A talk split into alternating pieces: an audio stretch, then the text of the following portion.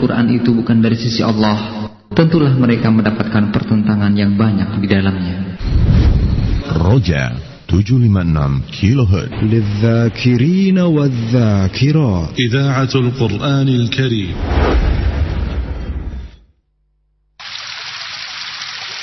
أفلا يتدبرون القرآن ولو كان من عند غير اختلافا كثيرا. رجع 756 كيلوهرتز للذاكرين والذاكرات. إذاعة القرآن الكريم.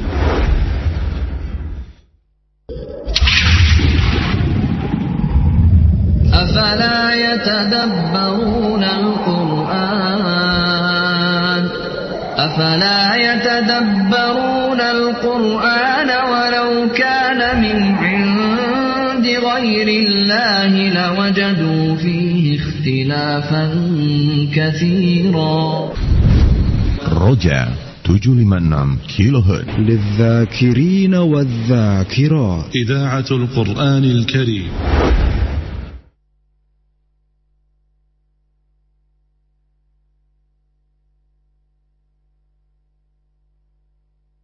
Assalamualaikum warahmatullahi wabarakatuh Ikhwatal iman di mana pun anda berada.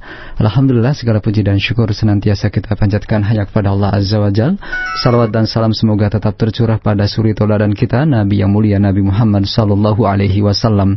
Saudaraku seiman sebagaimana yang kami sampaikan tadi Insya Allah di kesempatan sore yang berbahagia ini kita akan simak dan ikuti secara langsung kajian bersama Al-Ustaz Dr. Muhammad Arifin Badri MA Hafirullah dari pembahasan kitab Safinatun Najah Fima Yajibu Alal Abdi Maula buah karya Syekh eh, Salim bin Sumair Al-Hadrami Asyafi'i rahimahullahu taala. Langsung dari uh, kediaman beliau di kawasan uh, Sekolah Tinggi di Rosa Islamia Imam Syafi'i Jember Jawa Timur kita akan sapa terlebih dahulu beliau. Assalamualaikum warahmatullahi wabarakatuh ya Ustaz. Warahmatullahi wabarakatuh. Kami ucapkan terima kasih jazakallah khairan Ustaz atas keluangan waktunya di kesempatan sore hari ini dan kami persilakan bagi Ustaz melanjutkan pembahasan falyatafadhal masykuran Ustaz. Bismillahirrahmanirrahim. Assalamualaikum warahmatullahi wabarakatuh. Warahmatullahi wabarakatuh. Innal hamdalillah nahmaduhu wa nasta'inuhu wa nastaghfiruh ونعوذ بالله من شرور أنفسنا وسيئات أعمالنا. من يهده الله فلا مضل له ومن يضلل فلا هادي له. أشهد أن لا إله إلا الله وحده لا شريك له وأشهد أن محمدا عبده ورسوله. أما بعد إخواني وأحبائي رحمني الله وإياكم جميعا Puji dan syukur senantiasa dan tiada hentinya kita sampaikan kepada Allah Subhanahu wa taala atas kemurahan serta taufik dan hidayahnya kembali kita dipertemukan melalui radio kita yang tercinta ini. Semoga pertemuan kita senantiasa mendatangkan keberkahan dan manfaat dalam kehidupan kita beragama. Tidak lupa salawat serta salam untuk kita aturkan kepada Nabi kita Nabi Muhammad sallallahu alaihi wasallam kepada keluarganya dan juga kepada sahabat-sahabat beliau yang dengan setia mengemban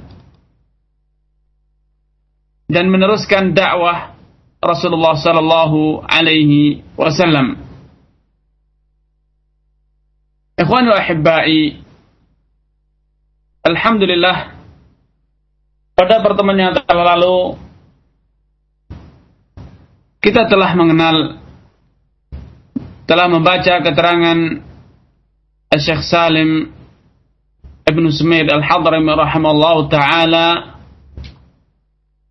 tentang nawaqidul wudu, amalan-amalan yang dapat membatalkan wudu Anda, amalan-amalan yang bila Anda kerjakan maka wudhu Anda dinyatakan telah batal. Dengan demikian Anda tidak lagi diperkenankan untuk mendirikan sholat atau ibadah yang serupa. Dan telah kita sebutkan kali itu, Syekh Salim dalam kitabnya Safinatun Najah menyebutkan ada empat poin. Yang pertama ialah keluarnya sesuatu dari dubur dan kubul yaitu dari kemaluan dan dari dubur. Dan kala itu telah ditegaskan bahwa yang menjadi pedoman ialah tempat keluar. Apa pun yang keluar asalkan keluar dari dubur atau dari kubul dari kemaluan maka itu membatalkan wudhu. Kemudian yang kedua ialah hilangnya kesadaran dikarenakan tidur atau yang serupa misalnya mabuk atau pingsan atau hal yang lain.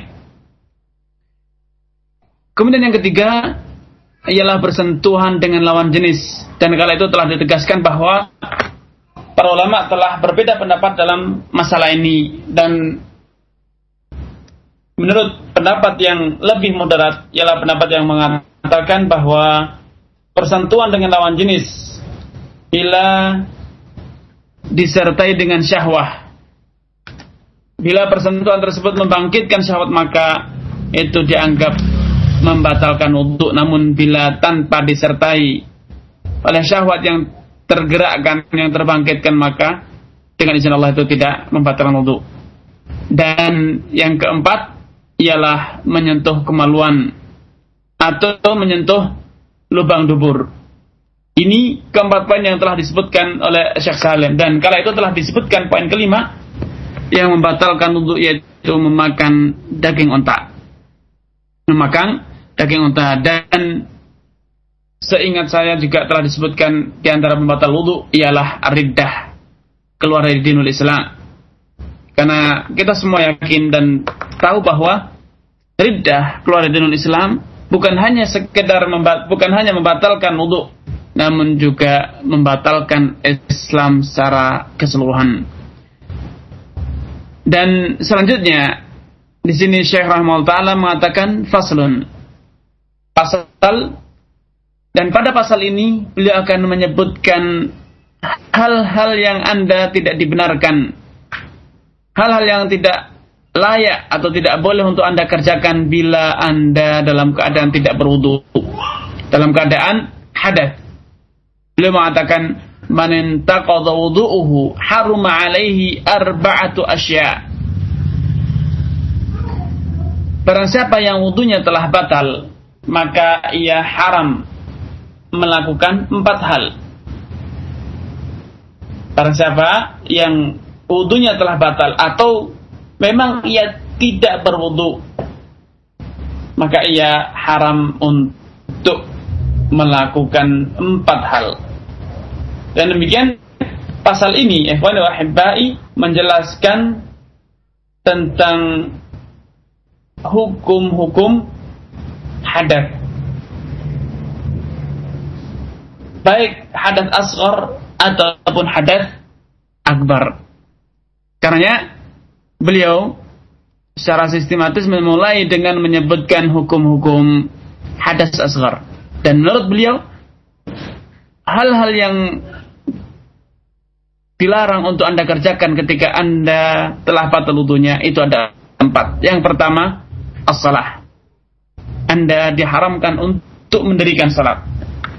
Dan ini ketentuan ini atau hukum ini merupakan konsensus kesepakatan para ulama. Rasulullah SAW telah menegaskan dalam banyak hadis di antaranya beliau mengatakan la yaqbalullahu salata ahadikum idza ahdath hatta yatawadda. Tidak dibenarkan atau tidak Allah Subhanahu wa taala tidak akan menerima salat Anda bila Anda telah hadas hingga Anda berwudu terlebih dahulu. Dan ini selaras dengan firman Allah Subhanahu wa taala, "Ya ayyuhalladzina amanu idza kumtum ila salati faghsilu wujuhakum ila akhir ayat." Dalam ayat ke-6 surat Maidah. Orang yang beriman, bila engkau hendak mendirikan salat, maka basuhlah wajahmu, tanganmu dan seterusnya. Hanya saja menurut uh, teks apa hukum yang dapat kita simpulkan dari tekstual ucapan Syekh Salim. Di sini beliau mengatakan haruma alaih yaitu haram atas Anda untuk mengerjakan empat hal ini yaitu salat di antaranya ya salat. Secara lahir haram di sini berlaku secara mutlak. Artinya orang yang sengaja, orang yang tidak sengaja dan orang yang lupa. Namun sejatinya tidak demikian. Yang dimaksud haram di sini ialah orang yang dengan sengaja ia sadar, ia tahu bahwa ia dalam kondisi muhdith dalam kondisi hadat. Ia tahu ia batunya telah batal. Maka haram atasnya untuk mendirikan salat. Dan bila suatu amalan dinyatakan haram, tentu orang yang melanggarnya ia telah berbuat dosa. Bahkan dosa besar. Dan bukan hanya sekedar dosa besar biasa. Bahkan para ulama, termasuk ulama-ulama syafi'i, dengan jelas menegaskan bahwa orang yang dengan sadar sepenuhnya dalam kondisi hadat, kemudian ia salat dengan sengaja ia mendirikan salat maka ini telah dianggap sebagai istihza sebagai memperolok-olok dinullah memperolok agama Allah Subhanahu wa taala sehingga bukan sekedar haram yang artinya dosa semata namun bisa jadi ini sebagai pintu kekufuran auzubillah karena kehormatan kesucian salat telah diinjak-injak dengan apa? Dengan sengaja ia wudhu dengan tanpa dengan ia mendirikan salat tangan tanpa terwudhu, tanpa bersuci. Adapun orang yang tidak sengaja dikarenakan ia lupa, lupa kalau ia belum berwudhu. Ia mengira, ia merasa bahwa wudhunya belum batal.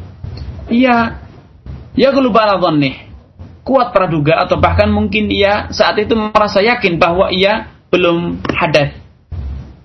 Padahal ternyata sudah. Nah, dalam kondisi seperti ini, maka dinyatakan ia tidak berdosa dan ia dinyatakan dimaafkan perbuatannya. Walaupun salatnya tetap tidak sah. Walaupun salatnya tetap tidak sah. Hal ini berdasarkan firman Allah Subhanahu wa taala dalam surat Al-Baqarah ayat yang terakhir, "Rabbana la tu'akhidna inna sina au akhtana.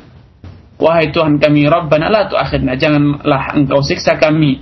Inna sina au akhtana. Bila kami lupa atau kami tidak sengaja khilaf namun para ulama usul para ulama fuqaha para ahli fikih dari berbagai madhab mengatakan bahwa Benar, orang yang lupa berwudu, lupa taharah. Lupa taharah dari hadas. Kemudian ia mendirikan salat. Ia tidak berdosa betul, namun salatnya tidak sah. Dengan demikian ketika ia sadar, ia teringat bahwa ia belum berwudu maka ia berkewajiban untuk mengulang salat tersebut. Walaupun waktunya telah keluar. Contohnya, bila sekarang ini adalah waktu asar. Ada dari kita yang teringat, subhanallah, ternyata tadi ketika sholat zuhur, sejatinya tadi saya belum berwudu. Lupa kalau tadi sudah hadat, namun saya kira masih berwudu. Maka sekarang ini ia wajib mengulang sholatnya. Walaupun waktu sholat zuhur telah habis, telah keluar. Ia tidak berdosa dikarenakan ia tidak sengaja. Karena bila dia sengaja, maka ia dosa besar bahkan bisa jadi amalannya dianggap sebagai perbuatan memperolok-olok dan menodai kesucian ibadah salat kepada Allah Subhanahu wa taala. Dengan demikian ucapan Syekh Salim di sini tatkala beliau mengatakan man intaqada wudu'uhu haruma alaihi arba'atu asya' Barang siapa wudhunya telah batal haram atasnya untuk mengerjakan empat hal. Di antaranya ialah salat maksudnya ialah orang yang sadar dan tahu bahwasanya ia telah batal wudhunya. Ia dosa perbuatannya haram. Bukan sekedar haram yang artinya dosa, bahkan bisa jadi ini sebagai bentuk perolok-olokan penghinaan terhadap rukun agama kita yaitu dinul Islam yang bahkan itu merupakan rukun kedua yaitu salat. Karenanya perlu diwaspadai di sini bahwasanya maksud haram sini adalah orang yang sengaja. Namun orang yang tidak sengaja lupa atau lalai maka ia tidak berdosa walaupun sholatnya tidak sah. Karena dengan jelas tadi saya telah bacakan hadis Rasulullah SAW mengatakan layak balu salat layak balu Allah salat ahadikum Allah tidak akan pernah menerima salat anda bila anda telah hadat sampai anda berwudu. Ini amalan pertama yang tidak boleh anda kerjakan ketika anda telah hadat.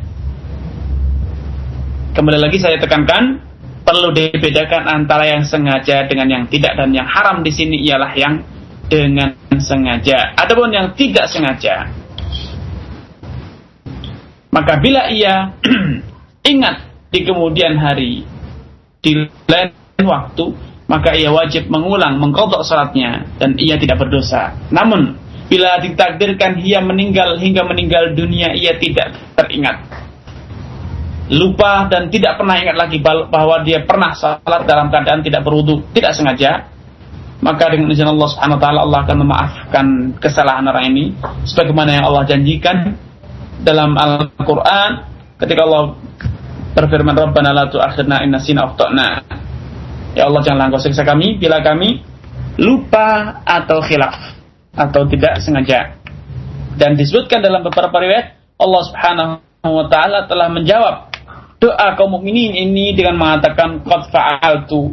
Aku telah kabulkan permintaan kalian. Subhanallah. Allah maha maaf Allah maha penyayang kepada umatnya. Anda bisa bayangkan Anda bisa rasakan bagaimana beratnya. Bagaimana susahnya hidup Anda bila ternyata apa namanya lupa atau tidak sengaja tetap saja dihisap dan ini perlu Anda syukuri. Dimaafkannya orang yang lupa, orang yang tidak sengaja ini merupakan keringanan dan kemurahan Allah Subhanahu wa taala kepada umat Nabi Muhammad sallallahu alaihi wasallam yang sebelumnya umat-umat sebelum kita mereka tetap dihisab tetap dimintai pertanggungjawaban atas amalan-amalan yang mereka lupa atau tidak sengaja. Karenanya Rasulullah SAW mengingatkan umatnya tentang nikmat ini, tentang kemurahan Allah Subhanahu Wa Taala ini. Beliau mengatakan, Inna Allah tajawaza an ummati al khata wan nisyan wa mastukrihu alaih. Sesungguhnya Allah Subhanahu Wa Taala telah spesial memaafkan umatku dari perbuatan-perbuatan yang mereka lakukan karena al khata karena tidak sengaja wan nisyan dan juga karena lalai, lupa. Wa mastukrihu alaih. dan alhamdulillah perbuatan-perbuatan yang mereka kerjakan karena mereka terpaksa, karena dipaksa oleh orang lain. Tiga hal ini termasuk keistimewaan yang Allah berikan kepada umat Nabi Muhammad sallallahu alaihi wasallam. Karenanya bersyukurlah ikhwan wa atas kemurahan Allah Subhanahu wa taala ini di mana anda tidak dihisab Allah SWT, bahkan dimaafkan atas segala perbuatan yang Anda lakukan dalam keadaan khilaf, tidak sengaja ataupun karena lupa. Baik, poin kedua yang tidak boleh Anda kerjakan bila Anda telah batal wudhunya ialah at-tawaf. Tawaf di sekitar Ka'bah. Para fuqaha jumhur ahli ilm. Kebanyakan para ulama mengatakan bahwa tawaf mengelilingi Ka'bah tujuh kali putaran. Ini dianggap sebagai salat memiliki hukum yang serupa dengan hukum salat. Sebagaimana disebutkan dalam riwayat at-tawaful at-tawafu bil baiti salatun fa'aqillu minal kalam kata Rasulullah sallallahu alaihi wasallam Rasul menegaskan sesungguhnya tawaf mengelilingi Ka'bah itu bagaikan salat. Karenanya ketika Anda tawaf, Anda menjalankan ibadah tawaf ini, fa'aqillu minal kalam, maka jangan banyak bercakap-cakap. Berbicaralah seperlunya. Berbicaralah uh, pada se seminimal mungkin karena sholat itu bagai uh, tawaf itu bagaikan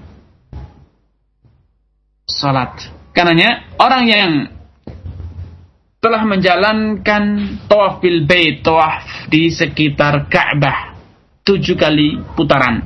Ia tidak lagi disyariatkan untuk salat tahiyatul masjid. Tawaf tersebut sudah mewakili ibadah salat tahiyatul masjid.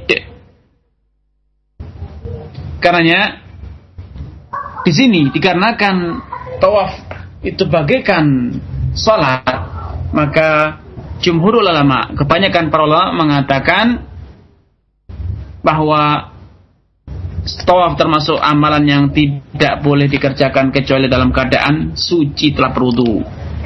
Dan ketika Rasulullah SAW secara prakteknya ketika beliau menjalankan umrah ataupun haji, pertama amalan pertama kali yang beliau kerjakan sebelum beliau menjalankan tawaf setiba beliau di, di Mekah ialah beliau mandi dan kemudian berwudu. Setelah berwudu barulah beliau menjalankan tawaf. Sehingga secara praktek Rasulullah sendiri ketika tawaf senantiasa tawaf dalam keadaan berwudu. Karena ketika Aisyah radhiyallahu taala anha yang turut menyertai mendampingi perjalanan Rasulullah SAW menunaikan ibadah haji wada. Setiba di Mekah atau sejak beliau di perjalanan, beliau datang bulan Aisyah datang bulan sehingga beliau berduka dan menangis karena terhalang untuk menjalankan manasik hajinya. Maka tatkala Rasulullah mendapatkan Aisyah dalam keadaan menangis terseduh-seduh, sedih dikarenakan tidak bisa segera tawaf di Ka'bah maka Rasulullah SAW menenangkan beliau sesungguhnya haid itu adalah suatu kepastian yang telah Allah tentukan anak e, atas wanita-wanita dari anak keturunan Nabi Adam. Makanya Rasulullah SAW menenangkan hati Aisyah dengan mengatakan if'ali ma yaf'alul hajj ghairu alla tatufi bil baiti hatta tadhuri muttafaqun alaih. Kata Rasulullah, wahai Aisyah, lakukanlah seluruh amalan manasik sebagaimana dilakukan oleh jamaah haji yang lain. Ghaira alla tatufi bil bait hanya saja jangan tawaf di sekitar Ka'bah sampai engkau tathuri sampai engkau suci terhenti dari uh, haidmu. Berdasarkan dalil-dalil yang telah disebutkan di atas, kebanyakan para ulama mengatakan bahwa tawaf termasuk salah satu, salah satu ibadah yang hanya boleh dilakukan bila Anda telah bersuci baik dari hadas akbar ataupun hadas asghar. Hanya saja sebagian ulama menyelisihi pendapat ini dan mengatakan untuk masalah dipersyaratkannya suci dari hadas akbar maka kami sepakat katanya. Adapun syarat harus suci dari hadas asgar, suci yaitu dengan berwudu, maka kami tidak sepakat. Mereka menyelisih hal ini sehingga mereka mengatakan boleh tawaf dalam keadaan hadas asgar namun dengan syarat tidak dalam tidak sedang kondisi hadas akbar baik junub, haid ataupun nifas. Adapun bila Anda hanya sekedar kentut maka menurut sebagian ulama mengatakan tidak masalah Anda tawaf. Dikarenakan mereka beralasan tidak ditemukan hadis-hadis ataupun dalil-dalil kauli, dalil-dalil yang merupakan perintah Rasulullah SAW yang memerintahkan sahabatnya untuk berwudu setiap kali tawaf. terlebih secara logika ketika Rasulullah SAW menjalankan hajatul wada pada tahun 10 Hijriyah beliau menjalankan haji bersama 100 ribu sahabatnya. Tentu secara nalar, secara logika sangat dimungkinkan dari 100 ribu orang tersebut ada yang ketika tawaf ia batal utuhnya namun tidak pernah ada riwayat yang menyebutkan sahabat tersebut atau Rasulullah SAW memerintahkan sahabat tersebut untuk mengulang tawafnya gara-gara utuhnya batal. Tidak adanya ini dalil yang perintah ini dijadikan alasan oleh sebagian ulama untuk mengatakan bahwa kita tidak dapat mewajibkan, tidak dapat mengharuskan orang untuk berwudu Adapun suci dari hadas akbar betul ada dalilnya. Seperti yang dalam kisahnya Aisyah tadi. Adapun wudu maka tidak ada. Yang ada hanya ahadithul fi'il. Dalil-dalil yang menceritakan perbuatan Nabi. Nabi berwudu ketika hendak tawaf. Sehingga yang ada hanya menceritakan tentang apa yang dilakukan Nabi bukan hadis yang menjadikan tentang sabda Nabi. Dan di dalam ilmu usul fikih dinyatakan bahwa hukum wajib dan hukum haram, hukum wajib suatu amalan dan hukum haram suatu amalan itu hanya dapat dilandasi oleh ahaditsu al-qauli, al-hadits al-qauliyah. Hadis-hadis yang berupa sabda Nabi dan bukan sekedar perbuatan Nabi. Karena kalau sekedar perbuatan Nabi, maka perbuatan Nabi itu multitafsir, banyak penafsiran. Bisa beliau melakukan dalam rangka menjalankan kewajiban, bisa dalam rangka menjalankan yang wajib, bisa hanya sekedar kebetulan saja, faktor kebetulan saja. Karenanya ulama-ulama usul mengatakan hadis-hadis hadis hadis hadis fi'il hadis-hadis yang menceritakan perbuatan Nabi tidak cukup sebagai dalil untuk mewajibkan atau mengharamkan sesuatu. Buktinya, Nabi meninggalkan banyak hal, namun hal tersebut ternyata tidak haram. Misalnya beliau tidak sudi enggan untuk makan dop semacam uh, hewan semacam kadal Arab yang besar yang dop ini tidak banyak orang menafsiri dop sebagai biawa Arab. Tentu ini penafsiran yang tidak tepat. Dikarenakan bentuknya lebih tepat, lebih serupa dengan kadal namun dia besar. Bisa terpuluh-puluh lipat dari ukuran kadal biasa. Dan keistimewaannya ia adalah herbivora hanya makan rumput-rumputan. Berbeda dengan biawak. Biawak yang memakan ayam dan hewan serupa. Kemudian di antara keistimewaan dog ialah ia tidak seumur hidupnya tidak pernah minum air langsung. Ia hanya merubah embun udara yang ia hirup menjadi embun. Itulah yang ia minum. Nah, ini hewan ini adalah hewan yang halal untuk dimakan. Namun Rasulullah SAW enggan untuk memakannya, tapi beliau mengizinkan sahabatnya untuk memakan hewan tersebut. Yang jelas di sini Rasulullah meninggalkan suatu amalan, namun ternyata amalan tersebut tidak menunjukkan bahwa dob adalah haram.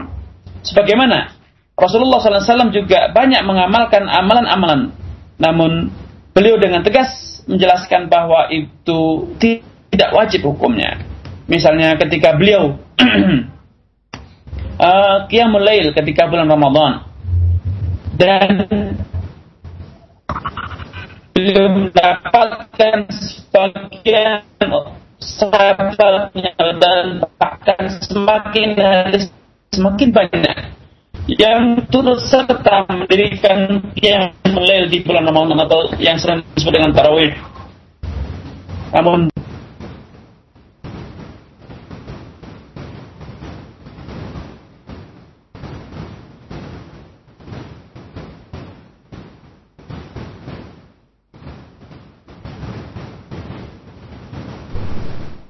Ikhwatal Islam saudaraku seiman, mohon maaf terputus koneksi uh, audio kami bersama beliau di kesempatan sore ini. Kita akan coba untuk kembali menghubungi beliau, Hafirullah, untuk menyimak dan mengikuti kajian uh, yang beliau sampaikan secara langsung. di kesempatan sore hari ini.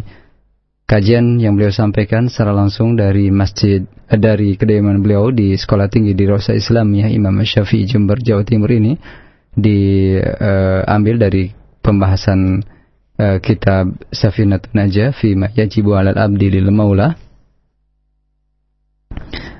Nah, uh, alhamdulillah kita sudah terkoneksi kembali bersama beliau di kesempatan uh, sore hari ini. Nah, halo Ustaz. Iya, uh, halo Ustaz. Assalamualaikum. Baik, saudaraku seiman, kami akan uh, coba kembali untuk menghubungi beliau setelah. Iya, halo. Iya, uh, halo Ustaz. Halo. Nah, nah, silakan kami persilakan untuk uh, memulai kajian uh, yang uh, tadi sempat terputus kembali, Ustaz.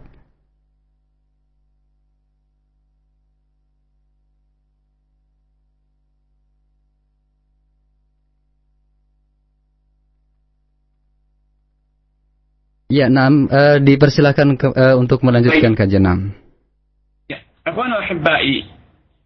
Pada hadis yang telah saya sampaikan tadi tentang hadis Qiyamul Lail Tarawih. Dengan jelas Nabi SAW mengamalkan Tarawih Qiyamul Lail pada bulan ya. Dengan jelas Nabi SAW menjalankan salat tarawih bersama sahabatnya. Namun beliau memberikan klarifikasi dengan mengatakan khasyitu an tufradu alaikum. Aku khawatir bila aku terus menerus salat bersama kalian tarawih, aku khawatir salat tarawih ini akan diwajibkan atas kalian. Karenanya berdasarkan hadis-hadis semacam ini, ulama usul fikih mengatakan bahwa hukum haram dan hukum wajib tidak cukup disimpulkan dari hadisul fi'il dari hadis-hadis yang memisahkan tentang perbuatan Nabi. Namun harus didasari oleh hadisul qauli atau al hadisul qauli hadis yang dengan jelas menyebutkan perintah, menyebutkan teks ucapan Nabi yang memerintahkan atau melarang. Kembali kepada tema pembicaraan kita yaitu berwudu sebelum tawaf.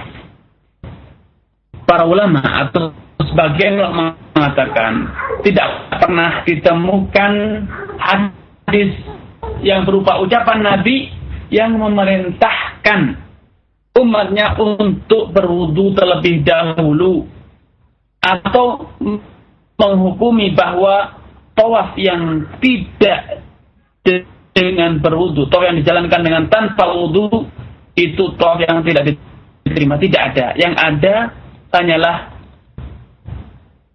salat. La yaqbalullah salat ahadikum tidak ahda. Allah tidak menerima salat sebagian dari kalian atau salat Anda bila Anda telah hadas hingga Anda berwudu. Dengan demikian, ini pendapat kedua tentang dipersyaratkannya berwudu. Adapun masalah seperti tadi saya katakan, masalah hadas akbar, yaitu suci dari haid, nifas, dan janabah, junub, maka tidak ada perselisihan di antara para ulama bahwasanya itu wajib.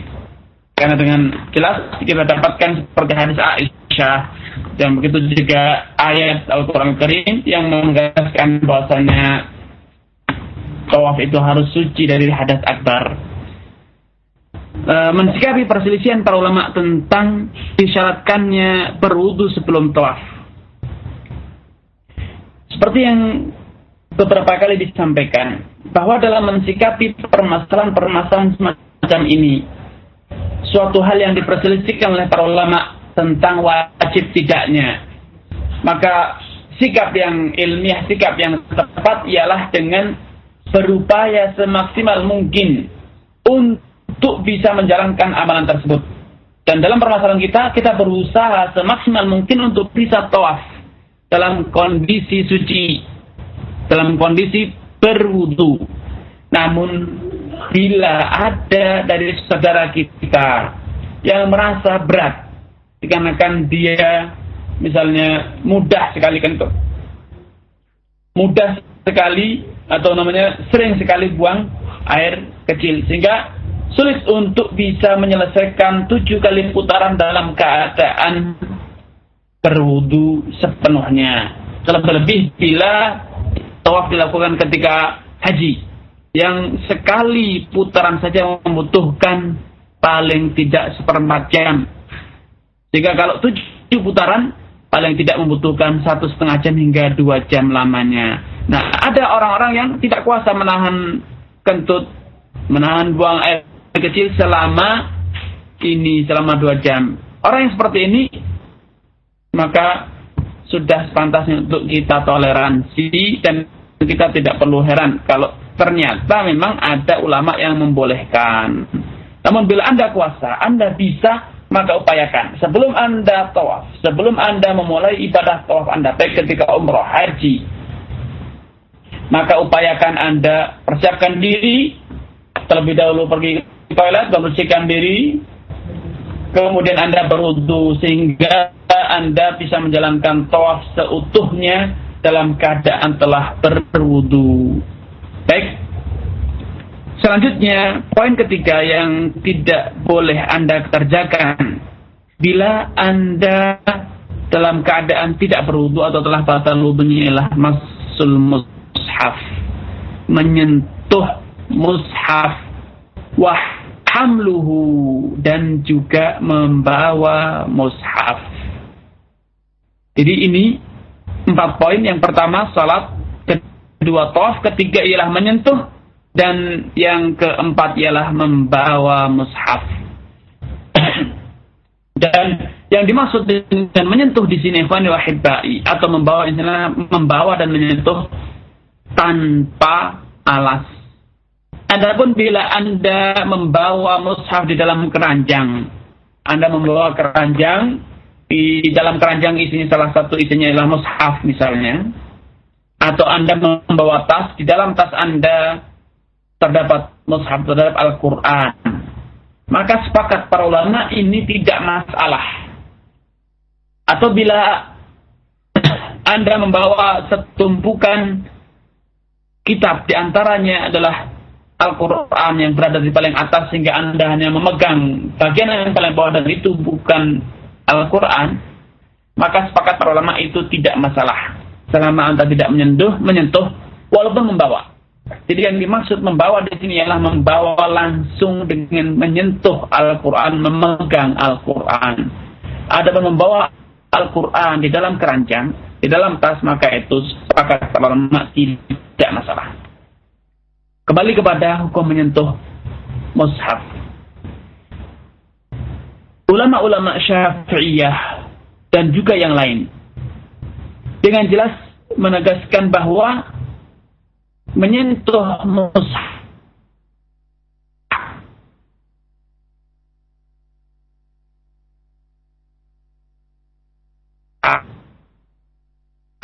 tidak dibenarkan bagi orang yang tidak berwudu. Allah Subhanahu wa taala telah menjelaskan dalam Al-Qur'anul Karim la yamassuhu illal mutahharun tiada yang boleh menyentuhnya kecuali orang-orang yang telah disucikan. Bila kita dalam surat Al-Waqi'ah ayat 79 Allah berfirman, La yamassuhu illal mutahharun. Kitab ini tiada yang menyentuhnya kecuali orang-orang yang telah al-mutahharun disucikan. Bila kita hubungkan dengan ayat, ayat sebelumnya, ayat 77 Allah mengatakan innahu laquranun karim fi kitabim maknun la yamassuhu illa al-mutahharun sesungguhnya itulah Al-Qur'anul Karim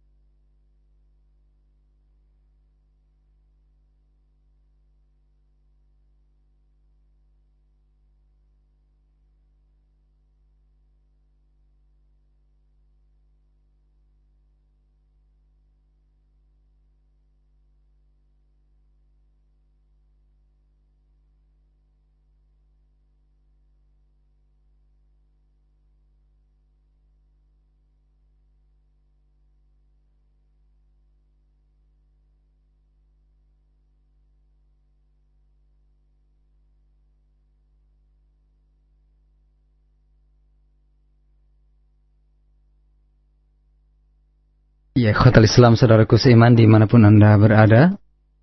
Terputus koneksi kami dengan Alusta di kesempatan sore hari ini.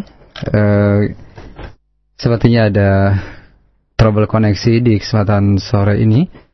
Kami akan coba untuk menghubungi beliau Hafirullah Ta'ala di uh, kesempatan berikutnya setelah jeda yang berikut ini.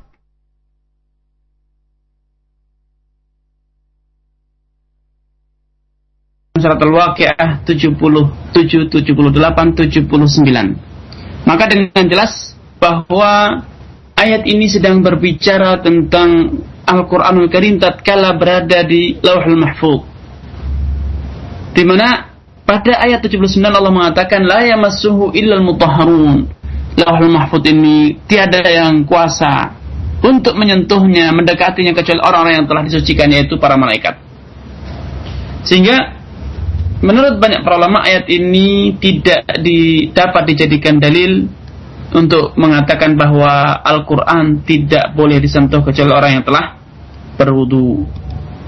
Adapun riwayat-riwayat yang menyebutkan bahwa Rasulullah SAW melarang orang yang haid atau nufasa, orang yang sedang nifas untuk menyentuh Al-Quran, maka riwayat-riwayat tersebut semuanya sebagaimana dinyatakan oleh banyak para ulama riwayat-riwayatnya adalah riwayat yang lemah, riwayat yang tidak dapat di, dijadikan dasar uh, untuk mengharamkan atau melarang. Karenanya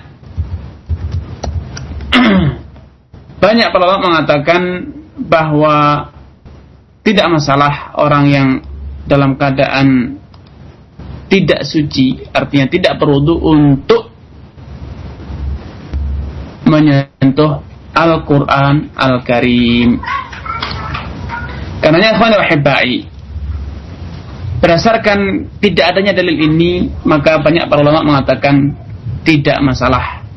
Tidak masalah untuk menyentuh mushaf baik. Itu anda dalam keadaan berwudu ataupun dalam keadaan tidak berwudu karenanya misalnya Al-Imam Syaukani rahmatullah dalam Nailul Autar mengkritisi tentang pendapat ini. Terlebih-lebih telah didapatkan hadis lain yang menjelaskan bahwa sesungguhnya seorang mukmin, seorang muslim itu adalah la, suci statusnya senantiasa suci walaupun dia tidak eh, apa namanya tidak dalam keadaan wudhu. Yang dimaksud suci adalah suci dari najis. Artinya ia tidak najis sehingga tidak ada alasan untuk mengatakan untuk berpendapat bahwa tidak layak untuk menyentuh Al-Quran. Karena dia adalah orang yang suci artinya tidak najis. Al-mu'minu yanjis sesungguhnya mukmin itu tidak najis. Berdasarkan riwayat ini juga Al-Imam dan juga yang lain mengatakan tidak tidak kuat bila kita mengatakan haram atas kaum mukminin kaum muslimin untuk menyentuh mushaf kalau tidak berwudu. Itu lebih-lebih ikhwan wahibai. Pendapat ini tentu sangat merepotkan. Sangat merepotkan. Yang menjadi penghalang bagi banyak kaum muslimin untuk membaca Al-Quran, untuk mempelajari Al-Quran. Dan menjadikan terlebih-lebih bila anak tersebut temannya yang ingin menyentuh sebab adalah anak kecil yang ingin menghafal, ingin mempelajari sehingga ia akan terus bersinggungan dengan Al-Quran, menyentuh Al-Quran. Bila kita haruskan dia berudu, apalagi di daerah-daerah yang dingin, tentunya akan memberatkan dan menjadikan banyak dari putra-putri kita enggan, merasa berat, terbebani untuk menghafal ataupun membaca dan mengkaji Al-Quran. Karenanya, ikhwan wa pendapat ini perlu ditinjau ulang yang mengatakan bahwa Al-Quran tidak boleh disentuh kecuali dengan terlebih dahulu berwudu. Apalagi bagi tulabul ilm, bagi orang-orang yang banyak atau orang yang sedang mengkaji dan mempelajari Al-Quran. Karena pendapat yang menurut hemat saya ini yang lebih kuat ialah pendapat yang mengatakan tidak masalah bagi orang yang belum berwudu atau tidak perlu untuk menyentuh mushaf karena tidak ada dalil. Sedangkan riwayat-riwayat yang menyebutkan bahwa orang yang tidak berwudu tidak boleh menyentuh Al-Quran. Misalnya hadis yang menyatakan la yamassul Qur'ana illa tahirun tidak boleh ada yang menyentuh Al-Quran kecuali orang yang sudah suci. Namun ini riwayat ini dikritisi oleh banyak para ulama. Dan baik secara sanatnya ataupun secara matanya secara matanya mereka mengatakan kata-kata tahirun ini dalam Al-Quran dan juga dalam sunnah Nabi sering diartikan dengan tahir yang artinya ia suci dari najis dan bukan suci dari hadat. Suci dari najis dan bukan suci dari hadat. Karenanya dikarenakan hadisnya bersifat mutlak. Bersifat mutlak la yamassul Qur'ana illa tahir. Tidak ada yang boleh menyentuh Al-Qur'an kecuali orang yang suci maka kesucian sini tidak boleh kita batasi artinya hanya sekedar suci dari najis. Namun bisa kita tafsir dengan suci dari uh, suci dari hadat. Namun boleh kita tafsiri atau boleh atau bisa kita tafsiri dengan suci dari najis. Sekali lagi kata la yamasul Qur'ana illa tahir.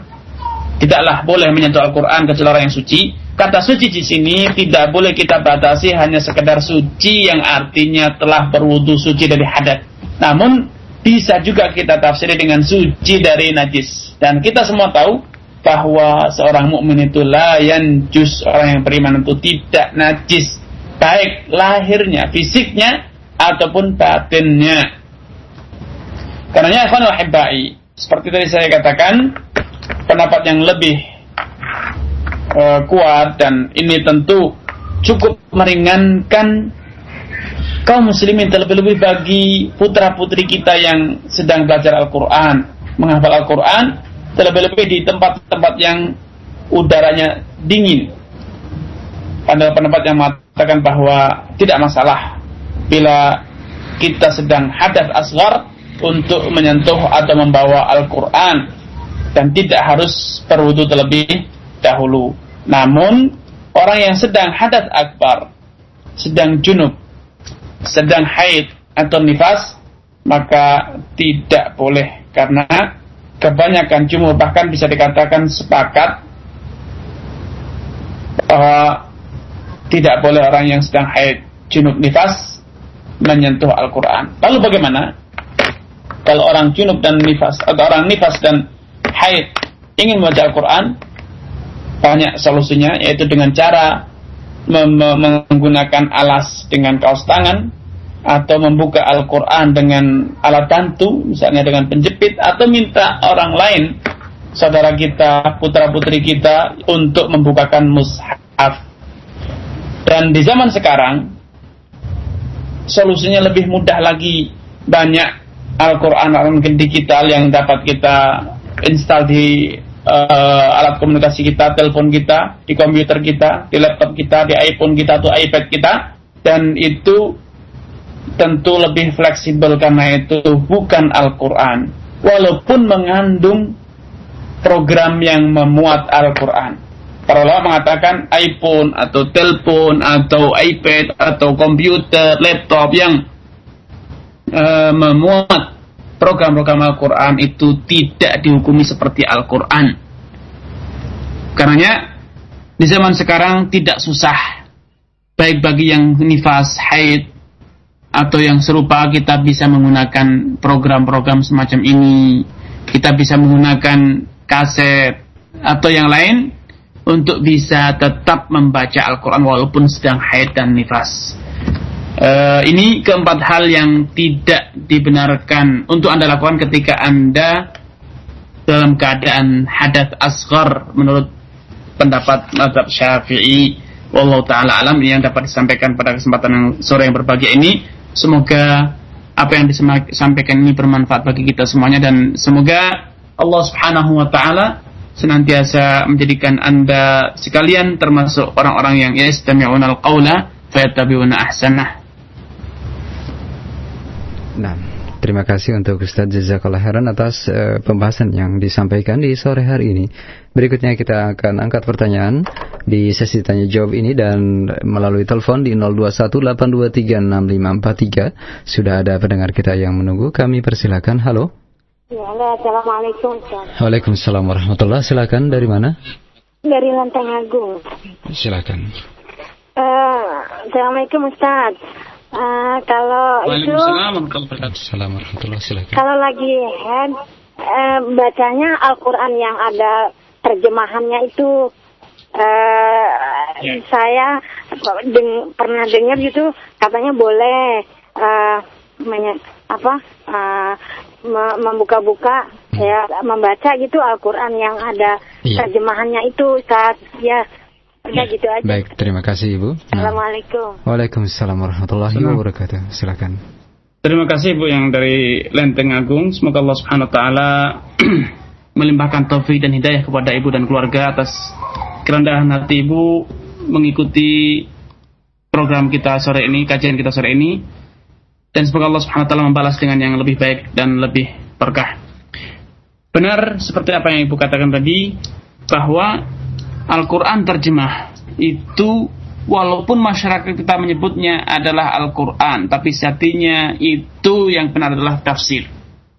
Itu adalah termasuk kitab tafsir. Karenanya para ulama mengatakan bila tafsir Al-Quran itu lebih dominan, lebih banyak jumlahnya, maka tiada perlu tiada hal yang perlu dirisaukan tentang bolehnya wanita haid dan wanita nifas untuk menyentuh. Karenanya para ulama sepakat boleh orang yang haid dan nifas menyentuh kitab-kitab hadis atau kitab-kitab fikih walaupun di dalamnya banyak ditemukan ayat-ayat. Sebagaimana boleh pula mereka untuk memegang, menyentuh, membawa kitab-kitab tafsir yang jumlah tafsirnya lebih besar dibanding jumlah ayatnya. Kata-katanya lebih banyak. Dan ini jelas pada Al-Quran terjemahan kita yang dengan berbahasa Indonesia didapatkan jumlah terjemahannya lebih besar dibanding lebih panjang dibanding ayatnya. Ini bila kondisi terjemahannya seperti yang atau tafsirnya seperti yang ada di negeri kita. Nah, ada kitab-kitab tafsir yang tafsirnya itu hanya sedikit sekali simple. Hanya sekedar tafsir kata-kata yang perlu-perlu saja. Mereka mengatakan bila tafsirnya lebih sedikit, maka hukumnya tetap dihukumi sebagai Al-Quran. Karena para ulama telah menggariskan satu kaidah lil, uh, lil aktari hukmul kul. Bila suatu hal itu dominan, maka hukumnya dianggap seperti menyeluruh. Artinya bila tafsirnya itu lebih dominan, maka itu dianggap sebagai kitab tafsir dan bukan sebagai kitab Al-Quran. Namun sebaliknya, bila Al-Qurannya lebih dominan, lebih panjang, lebih banyak, maka itu dianggap sebagai Al-Quran dan bukan sebagai kitab tafsir. Hukumnya seperti hukum Al-Quran. Allah Ta'ala a'lam. Nah, baik, terima kasih atas jawaban yang sudah disampaikan. Berikut dari penelpon yang kedua ada Ibu Tuti di Depok. Silakan Ibu. Assalamualaikum Pak Ustaz. Waalaikumsalam warahmatullahi Silakan. Ya, yang saya mau tanyakan kalau saya lagi haid itu boleh nggak saya mengamalkan ibadah-ibadah seperti zikir pagi dan petang, terus baca-baca eh, hadis gitu ya. Iya. Itu yang pertama. Yang kedua, kalau saya sedang haid, apakah boleh saya masuk ke masjid mengikuti majelis-majelis gitu? Iya, baik. Itu aja. Terima kasih. Nah, Ah, terima kasih, ya, Bu. Assalamualaikum. Waalaikumsalam warahmatullahi Salam. Terima kasih Ibu Tutik dari Depok. Semoga Allah Subhanahu taala senantiasa merahmati Ibu Tutik dan keluarga atas kerendahan hati Ibu untuk mengikuti kajian sore ini. Eh, pertanyaan pertama, membaca zikir Al-Qur'an, baik zikir yang ada dalam Al-Qur'an, misalnya Rabbana atina fid dunya hasanah atau membaca Al-Fatihah atau ayat kursi yang disyaratkan untuk dibaca atau al-ikhlas, al-falak, nas di pagi hari, di sore hari, di malam hari sebelum tidur dan lain sebagainya. Tidak masalah karena tadi yang dibahas ialah menyentuh atau membawa. Adapun membaca, membaca maka jumhur ulama, kebanyakan para ulama mengatakan boleh. Tidak masalah orang bagi yang haid, nifas untuk membaca dari dengan menghafal atau dari hafalannya, bukan dengan menyentuh. Ini eh, poin pertama. Poin kedua, eh, terlebih-lebih bila yang dibaca ialah bacaan zikir yang bukan dari Al-Quran. Misalnya Subhanallah, Walhamdulillah, Wala ilaha illallah, Wallahu Akbar misalnya. Tidak masalah. Asbahna ala fitratul Islam misalnya zikir-zikir yang di pagi hari atau sore hari. Ini tidak masalah, sepakat para ulama boleh dibaca oleh eh, orang yang sedang junub, haid ataupun nifas. Adapun zikir-zikir yang bersumberkan dari Al-Quran maka juga tidak masalah. Bahkan membaca Al-Quran berada dengan hafalan bagi yang haid dan nifas tidak masalah, boleh kecuali yang junub. Para ulama, jumhur ulama masih tetap mempermasalahkan orang yang junub. Karena kalau junub maka segeralah mandi janabah agar bisa membaca ayat-ayat Al-Quran. Walaupun yang junub itu boleh membaca zikir yang selain dari Al-Quran. Ini pertanyaan poin pertama. Kemudian yang kedua, bagi wanita haid dan nifas yang ingin mengikuti kajian di masjid.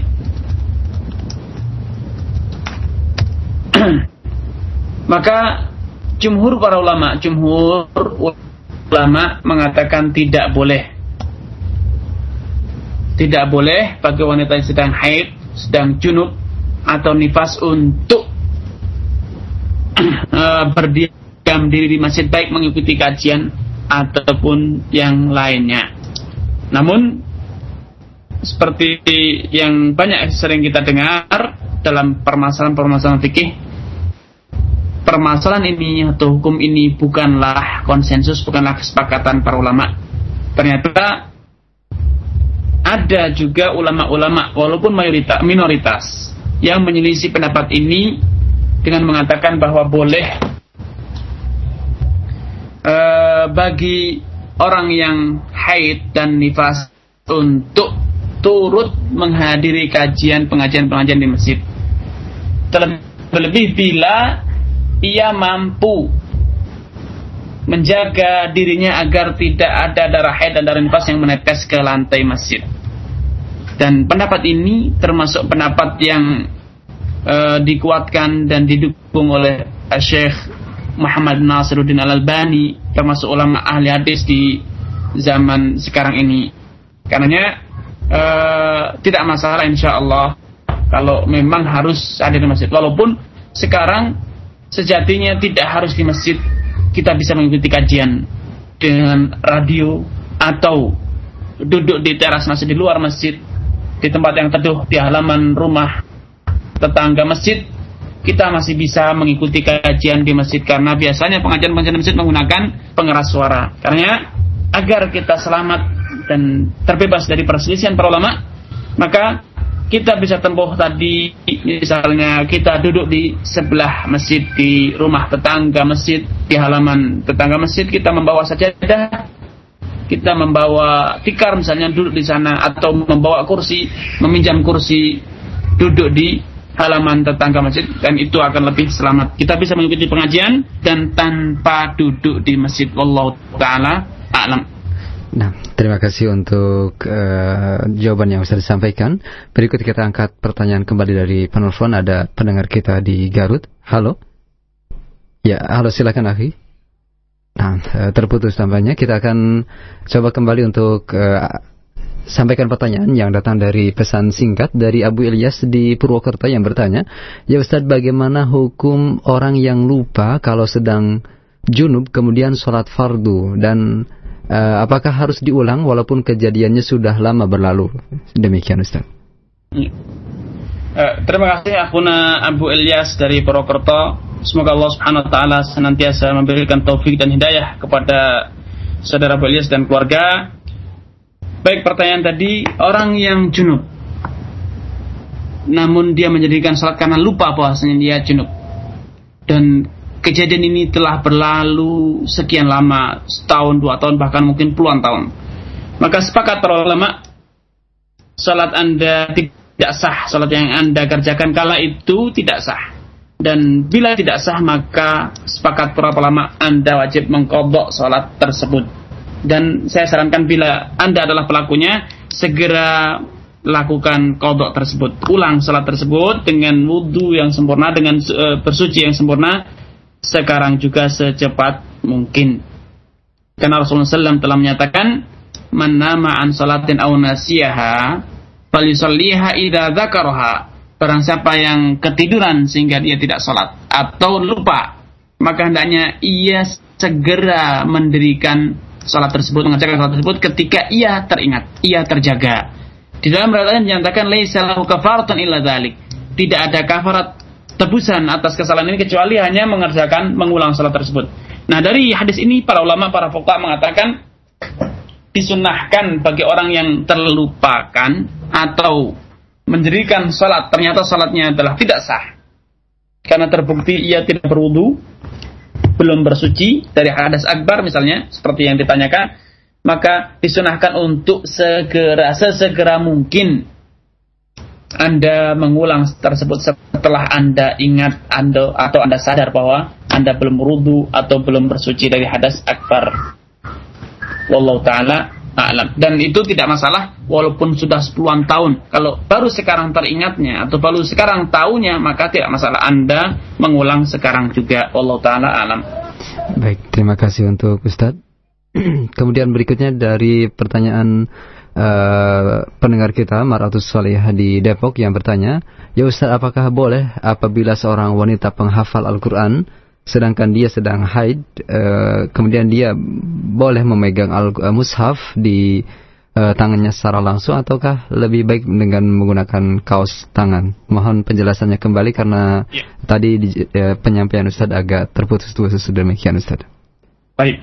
Uh, terima kasih uh, saudari Maratus Salihah atas kerendahan hati mengikuti kajian di sore hari ini. Semoga Allah Subhanahu wa taala benar-benar menjadikan Anda benar-benar seperti namanya, sebagai mar'ah yang salihah uh, wanita yang haid ataupun nifas bila ingin menyentuh Al-Quran atau memegang Al-Quran maka dibolehkan ia menggunakan penghalang misalnya dengan kaos tangan atau alas dengan kain atau dengan penjepit atau yang lainnya dengan alat bantu lainnya.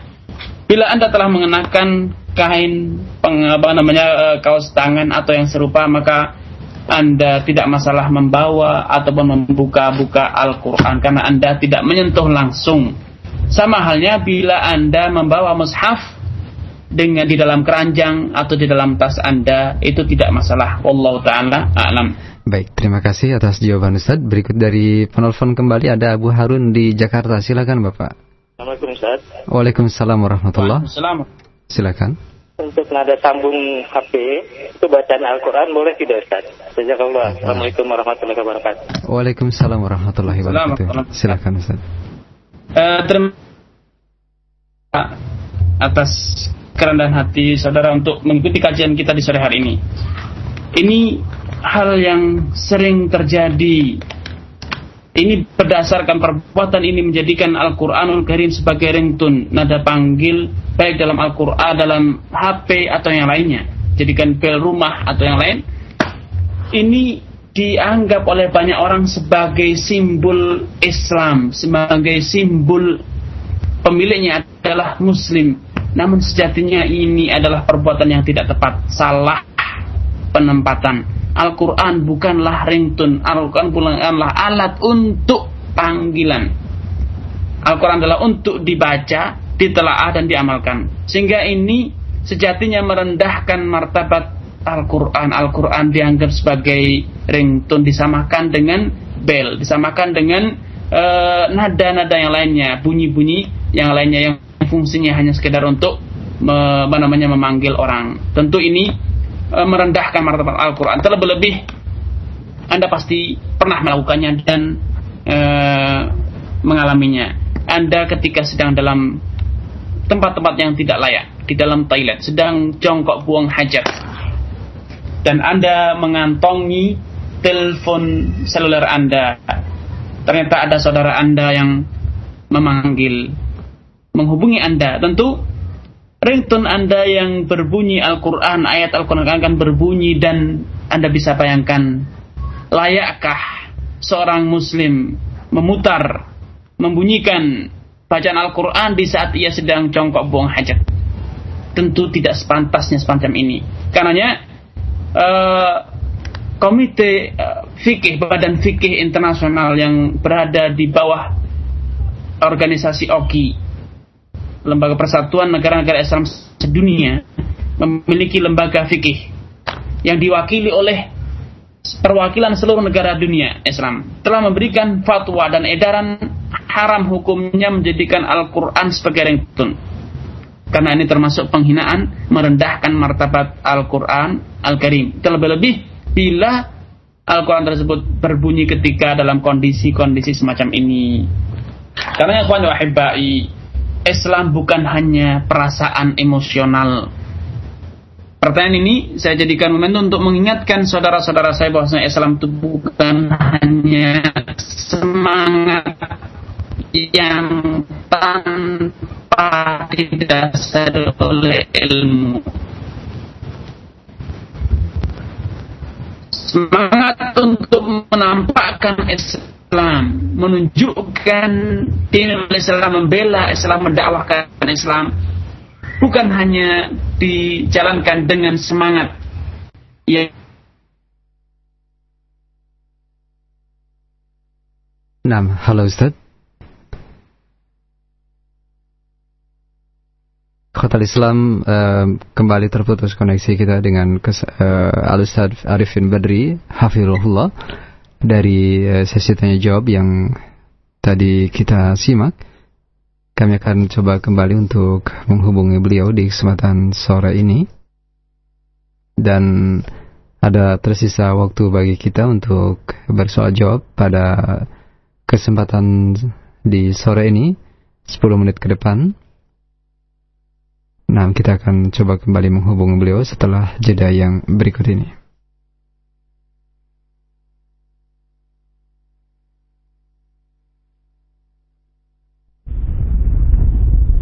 Roja 756 kHz للذاكرين والذاكرات إذاعة القرآن الكريم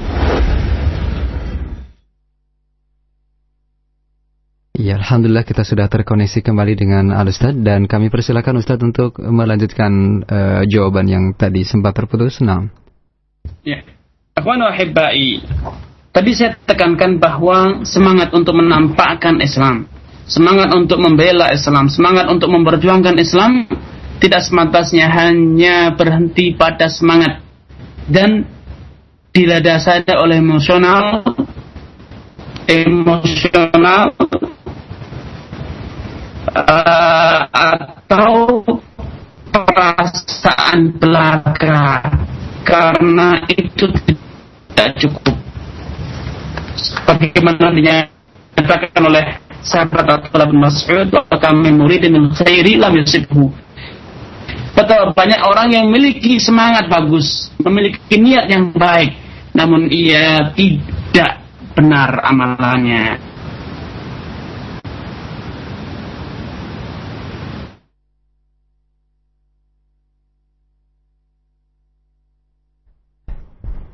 Nah, halo Ustaz. Baik, Khotal Iman, terputus kembali koneksi kita.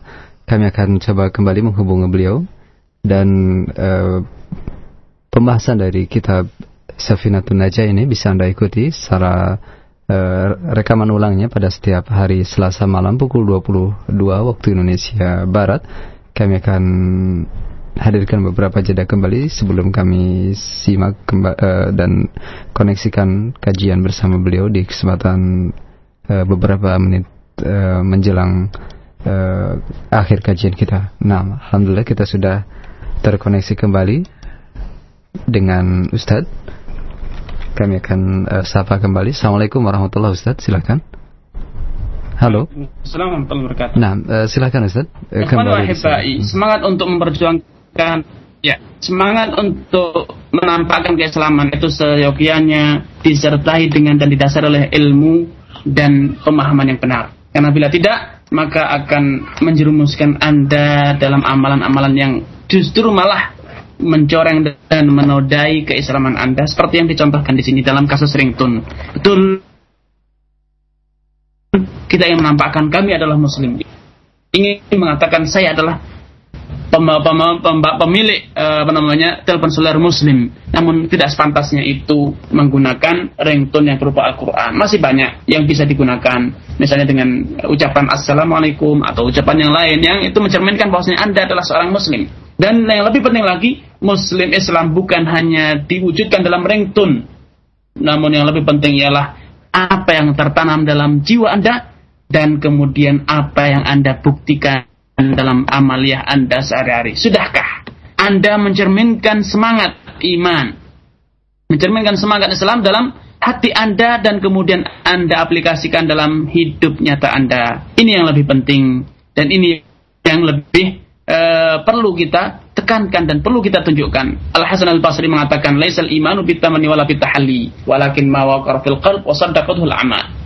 Tidaklah Islam itu hanya sebatas slogan atau angan-angan. Namun Islam itu adalah ideologi yang tertanam kokoh dalam hati Anda dan Anda buktikan dalam prakteknya nyata sehari-hari dalam amalan Anda sehari-hari. Sudahkah ini terwujud dalam hidup Anda, ikhwan wahibai? Walaupun ringtone Anda bukan Al-Quran, tapi hanya sekedar bunyi bel atau yang serupa.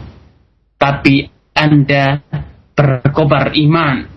Di hati Anda berkobar takwa, dan kemudian Anda memiliki semangat perjuangan 45 yang tiada pernah kenal luntur atau uh, padam. Terus berjuang, terus beramal untuk bisa menerapkan, mengaplikasikan syariat Islam dalam hidup Anda. Inilah yang lebih penting untuk ditekankan. Adapun menjadikan Al-Quran sebagai ringtone sekali lagi saya tekankan itu sejatinya seperti difatwakan oleh lembaga fikih yang uh, di bawah naungan negara-negara OKI yang terkenal OKI telah dinyatakan sebagai bentuk penodaan terhadap kesucian Al-Quran Al-Karim. Karenanya perlu ini disosialisasikan, perlu diingatkan bahwa ini sejatinya adalah perbuatan yang tidak layak. Ini termasuk perbuatan yang menodai Al-Quran Al-Karim. Wallahu ta'ala a'lam. Terima kasih atas uh, jawaban yang bisa disampaikan. Kemudian masih ada waktu ya untuk satu pertanyaan berikut ini dari Saudara Fikri di Jakarta. Silakan akhi. Assalamualaikum Ustaz. Waalaikumsalam warahmatullahi Ya, saya pengen tanya nih, saya kalau habis buang air kecil sering ada yang keluar gitu gimana Ustaz? Kalau pas lagi sholat juga nah. pada diteruskan atau gimana? Baik. Baik, terima kasih Akh Fikri atas pertanyaannya. Silakan Ustaz. Ya, Jazakallah khairan akhuna Fikri atas kerendahan hati saudara mengikuti kajian kita di sore ini. Semoga Allah Subhanahu wa taala melimpahkan ilmu yang bermanfaat serta amal yang saleh kepada saudara Fikri dan keluarga. Apa yang ditanyakan tadi saudara oleh akhuna Fikri bahwa ketika ia buang air kecil, sering kali ia masih meneteskan sisa-sisa air seni. Bahkan hal itu kadang terjadi ketika ia sedang dalam salat Para ulama menamakan kondisi ini dengan kondisi salisil baul. Orang yang, yang tidak kuat menahan, mengatur air seninya. Nah, seperti ini tidak oleh para ulama itu dimaafkan termasuk oleh yang menerima keringan dalam syariat. Kalau tidak masalah, asalkan kondisi itu terus-menerus seperti itu. Setiap kali buang air seni maka untuk bisa berhenti tuntas itu butuh waktu yang lama. Dan sering kali malah masih menetes menyisakan beberapa tetes ini termasuk yang salisul baul dan ini dimaafkan. Uh, namun ada hal yang perlu hendaknya aku nafikri ketika hendak sholat ia menunda wudhunya hingga benar-benar ia hendak sholat. Sehingga bila ia telah mendengar kumandang adzan, maka ia tidak buru-buru berwudhu, namun menunggu menunggu hingga menjelang iqamat dikumandangkan. Barulah ia berwudhu dan setelah berwudhu ia sesegera mungkin mendirikan sholat. Karena ini adalah kondisi darurat. Kemudian poin kedua yang perlu diingat dicatatkan di sini, e, sering kali kondisi seperti yang dialami oleh saudara Fikir ini adalah bermula dari keraguan-raguan kita. Kitalah yang membuka pintu godaan setan. Sejatinya tidak keluar. Sejatinya tidak ada yang keluar. Namun hanya perasaan kita, anggapan kita semata. Kita merasa seakan-akan ada yang keluar. Karena kita yang terlalu hati-hati akhirnya malah terjerumus dalam belenggu setan yang disebut dengan waswasah. Keraguan-raguan yang tiada henti, tiada ujungnya. Karenanya di antara adab yang diajarkan oleh Rasulullah SAW kepada kita untuk kita lakukan agar terhindar dari godaan setan ketika buang air seni ialah kita mencipratkan, memercikkan sedikit air ke celana kita. Sehingga setiap kali setan membisikkan kepada kita ada sesuatu yang keluar. Kalau tidak percaya silahkan cek di celanamu ada basah-basah. Maka dengan mudah kita katakan, oh ini adalah basah karena percikan air tadi, bukan air seni yang keluar. Dan demikian, was-wasah dapat kita tanggulangi. Kemudian tentu tidak lupa banyak-banyak membaca ta'awud perlindungan memohon perlindungan kepada Allah Subhanahu dari godaan setan karena kondisi ini biasanya adalah hasil dari bisikan setan naudzubillah. Kemudian selanjutnya poin ketiga yang ingin saya tekankan kepada aku Nafikri uh, perlu saudara perlu konsultasikan ke tenaga medis dokter.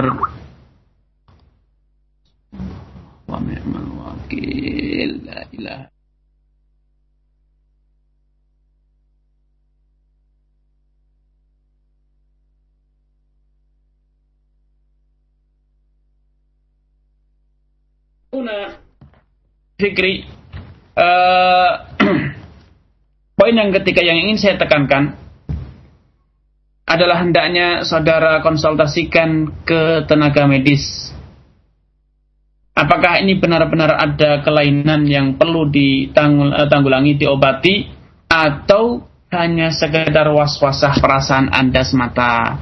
Dan demikian insya Allah dengan menempuh tiga poin ini, insya Allah kondisi saudara dapat ditanggulangi dan dapat di uh, uh, namanya dihindarkan di kemudian hari. Wallahu taala a'lam. Nah, Ustaz, terima kasih atas uh, jawaban yang telah Ustaz sampaikan dan pertanyaan uh, Saudara Fikri tadi menutup perjumpaan kita Ustaz. Kami ucapkan terima kasih atas kebersamaan Anda para pendengar dan untuk Ustaz jazakallah khairan atas keluangan waktunya. Semoga Allah Subhanahu wa taala memberkahi dan menjaga Ustaz besar keluarga dan semoga Allah memudahkan segala urusan kita. Kemudian ada satu kesimpulan akhir atau penutup dari kajian kita silakan Ustaz.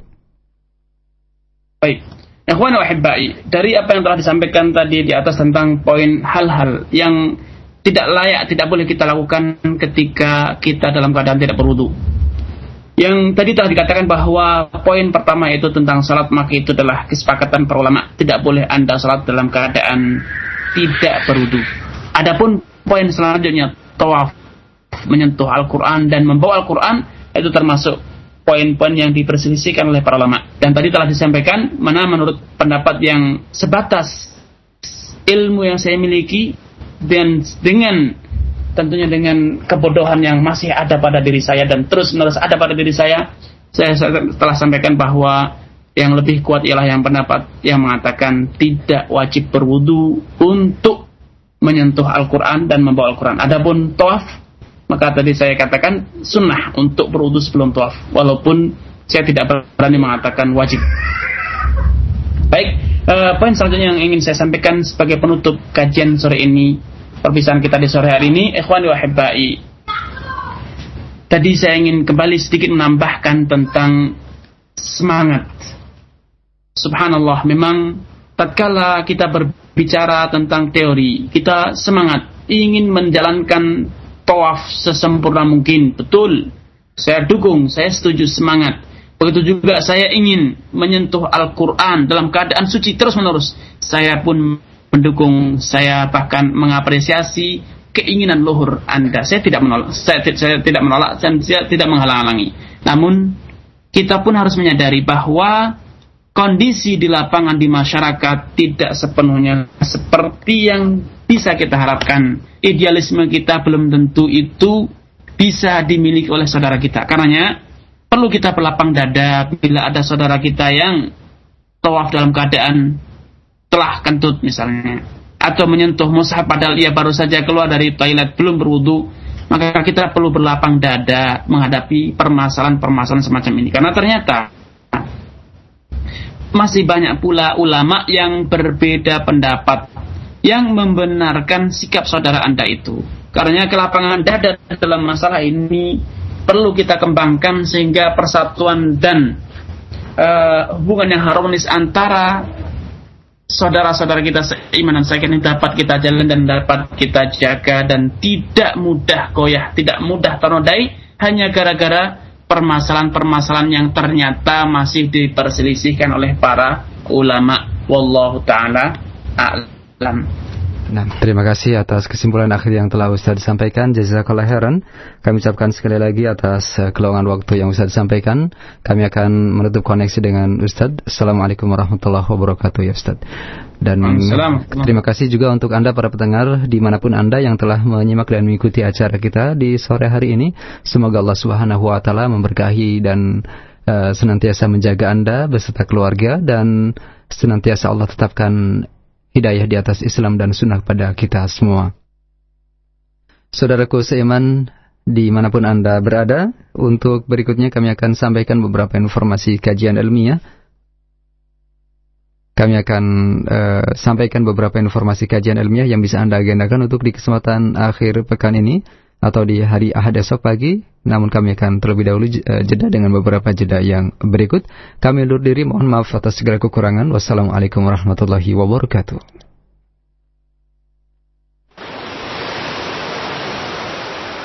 Wajib diyakini oleh setiap muslim dan muslimah bahwasanya agama Islam ini adalah agama yang hak Agama Islam adalah agama yang diridhai oleh Allah Subhanahu wa taala. Selain Islam tidak akan diterima oleh Allah Subhanahu wa taala. Allah berfirman, "Inna ad-dina 'inda Allahil Islam." وما اختلف الذين أوتوا الكتاب إلا من بعد ما جاءهم العلم بغيا بينهم ومن يكفر بآيات الله فإن الله سريع الحساب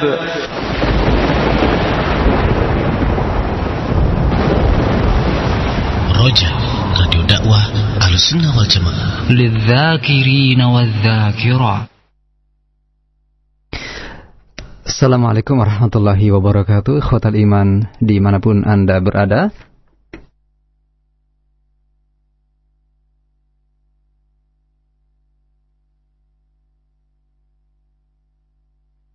Berikut kami akan sampaikan beberapa informasi kajian ilmiah yang bisa Anda agendakan untuk di kesempatan akhir pekan ini atau hari Ahad esok.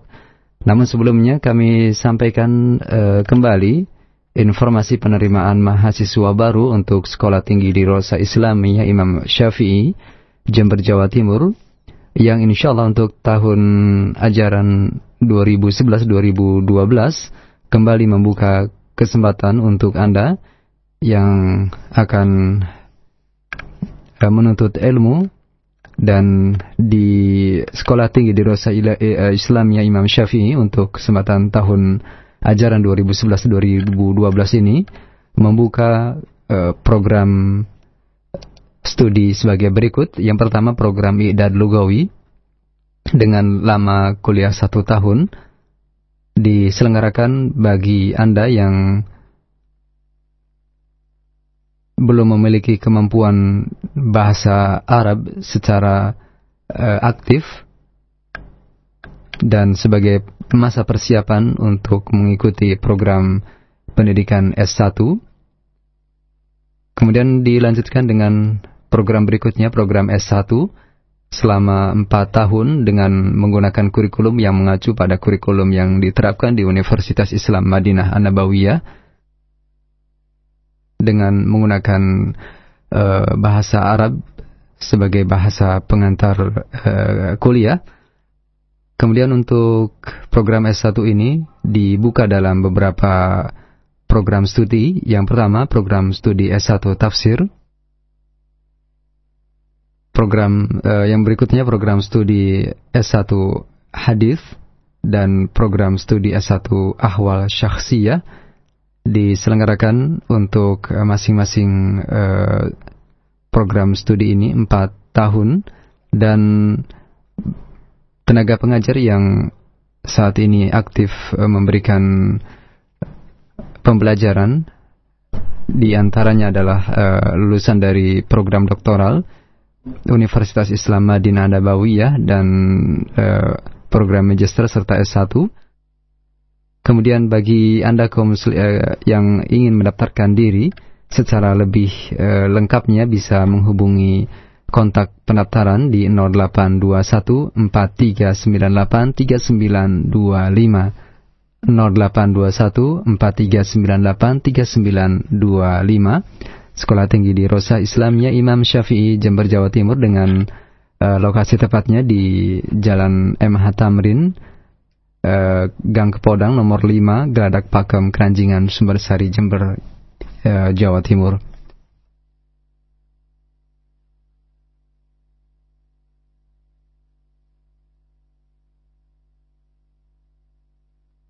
Berikutnya Khotal Iman, di mana pun Anda berada, berikut kami sampaikan informasi kajian ilmiah yang bisa Anda agendakan untuk uh, esok. Yang pertama, kajian ilmiah untuk Anda yang berdomisili di wilayah Bogor. Sekali lagi untuk Anda yang berdomisili di wilayah Bogor dan sekitarnya, kajian ilmiah kembali diselenggarakan di Masjid Imam Ahmad bin Hambal, KPP IPB 4, Blok A, Baranang Siang, Tanah Baru, Bogor dari kajian pembahasan syarah akidah wasitiyah dan kitab bulughul maram disampaikan oleh Al-Ustaz Yazid bin Abdul Qadir Jawas hafirullah diselenggarakan untuk hari Ahad esok 15 Rabiul Tsani atau 20 Maret 2011 diselenggarakan lebih awal jam eh, 9 waktu Indonesia Barat sampai dengan jam 11 oleh karena itu mohon kehadiran Anda lebih uh, pagi dari biasanya. Kajian diselenggarakan terbuka untuk umum bagi kaum muslimin dan muslimat. Kemudian untuk informasi di 0251 Kami ulangi 0251 Bagi Anda yang berdomisili di wilayah Depok dan sekitarnya, hadirilah kajian dari pembahasan buku Akidah Salaf Ahlus Sunnah wal Jamaah yang disampaikan oleh Al-Ustaz eh, Abu Unisa Abdul Hakim bin Amir Abdad Hafirullah diselenggarakan di Masjid Agung Baitul Kamal, Kompleks Balai Kota Depok. Sekali lagi di Masjid Agung Baitul Kamal, Kompleks Balai Kota Depok, diselenggarakan esok pagi jam 9 waktu Indonesia Barat. Kami ulangi diselenggarakan esok pagi jam 9 waktu Indonesia Barat dan untuk info yang lebih lengkapnya di 021 9652 5847 96525847. Kemudian berikutnya untuk hari Ahad esok akan diselenggarakan daurah tilawah Al-Quran dan adab-adab imam di dalam solat yang disampaikan oleh Ustadz Ali Subana Hafirullah diselenggarakan di Masjid At-Taqwa Harapan Baru Regensi Kota Baru Bekasi Barat eh, Bekasi yang diselenggarakan jam 8 sampai dengan jam 16.00 waktu Indonesia Barat.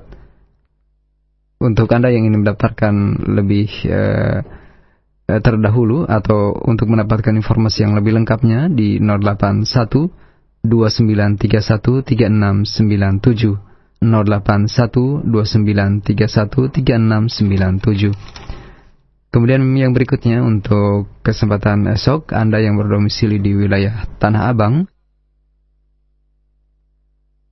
Kami ulangi untuk Anda yang berdomisili di wilayah Tanah Abang, Anda bisa hadir dalam kajian eh, Tazkiyatun Nufus para Nabi yang disampaikan oleh Ustadz Mahfud Umri LC Hafirullah diselenggarakan di Masjid Baitul Karim, Jalan Kebon Kacang 14, Tanah Abang, Jakarta Pusat. Kajian diselenggarakan untuk umum pada esok pagi jam 9 sampai dengan selesai. Kemudian untuk info lengkapnya di 3301 3301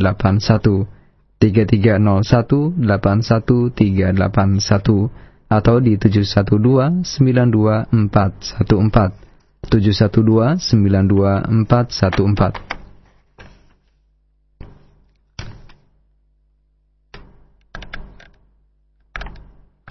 Kemudian di Khotal Iman untuk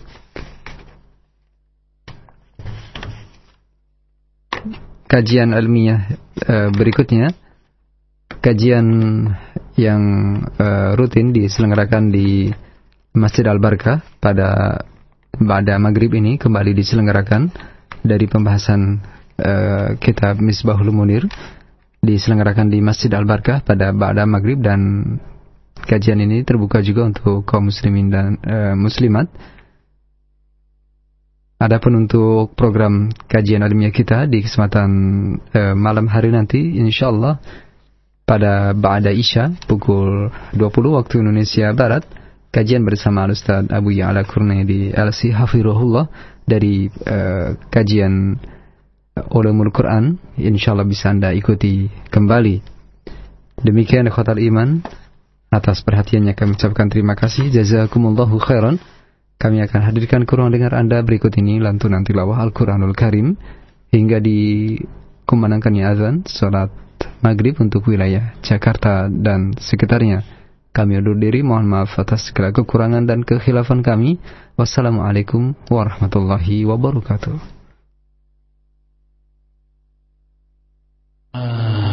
ولقد يسرنا القرآن للذكر فهل من مدكر فقرأوا ما تيسر من القرآن وقال الرسول يا رب إن قوم اتخذوا هذا القرآن مهجورا رجع 756 كيلو هرتز للذاكرين والذاكرات. إذاعة القرآن الكريم. بسم الله الرحمن الرحيم. نون والقلم وما يسطرون. ما أنت بنعمة ربك بمجنون. وإن لك لأجرا غير ممنون وإنك لعلى خلق عظيم فستبصر ويبصرون بأيكم المفتون إن ربك هو أعلم بمن ضل عن سبيله وهو أعلم بالمهتدين فلا تطع المكذبين